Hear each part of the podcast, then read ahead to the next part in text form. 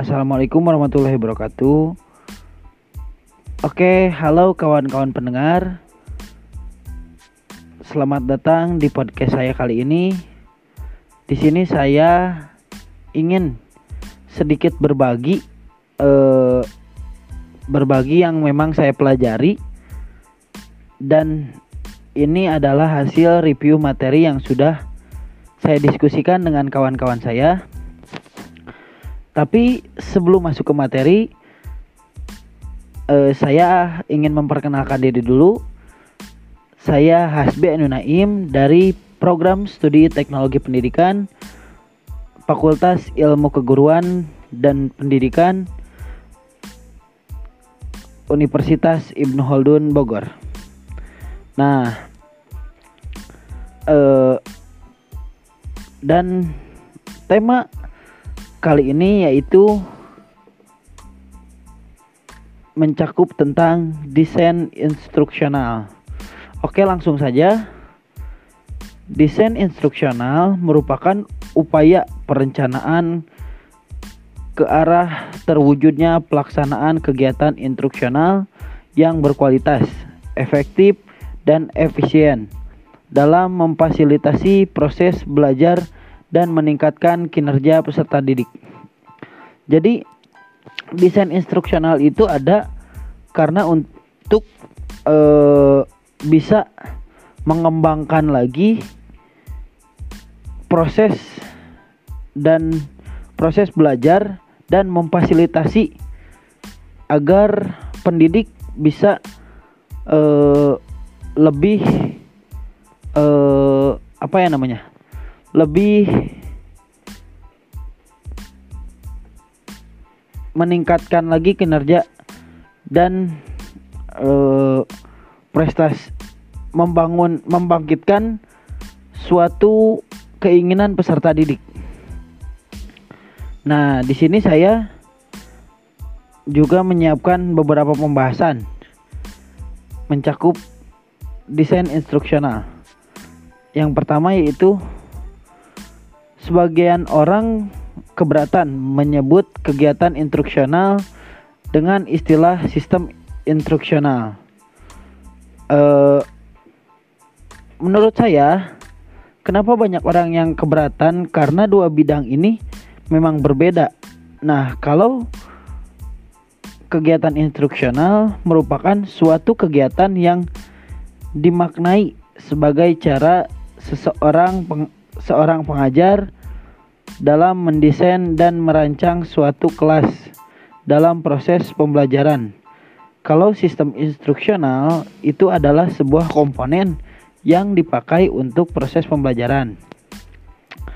Nah, selanjutnya yaitu sebagian pengguna istilah pembelajaran atau kegiatan instruksional melarang orang menggunakan istilah pengajaran sehingga istilah pengajaran itu seolah-olah tabu digunakan. Ya mungkin kenapa ada orang yang melarang menggunakan bahasa itu karena ada beberapa pendapat di bidang pendidikan yang mengatakan bahwa kata pengajaran itu hanya seperti sepihak dan karena itu pada dasarnya pembelajaran pembelajaran melibatkan dua pihak yaitu pendidik dan peserta didik.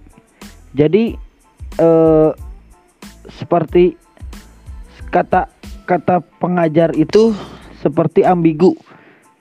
Jadi eh, kurang tepat untuk menggunakan kata pengajar. Jadi lebih tepat menggunakan kata pembelajaran.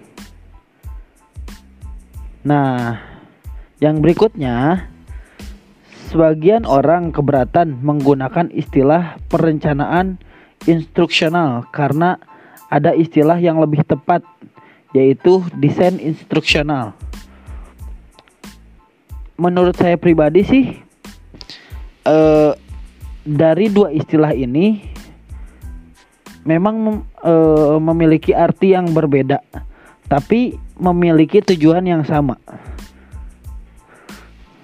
mungkin karena istilah perencanaan instruksional itu uh, muncul muncul lebih dulu daripada desain daripada istilah desain instruksional. Nah, karena perkembangan zaman juga nih istilah perencanaan instruksional uh, digeser dan diganti menjadi desain instruksional. Nah, yang terakhir, desain instruksional tumbuh dan berkembang berkat adanya berbagai pengetahuan yang mendasarinya. Nah, desain instruksional juga mempunyai bidang ilmu yang mendasarinya. Yang pertama, General System Theory. Disiplin ilmu ini memberikan pengaruh terhadap desain instruksional dalam membuat arah dan prosedur instruksional. Ya mungkin uh, nah mungkin uh, podcast kali ini hanya cukup sampai di sini dan kurang lebihnya mohon dimaafkan dan mungkin kita sama-sama belajar di sini.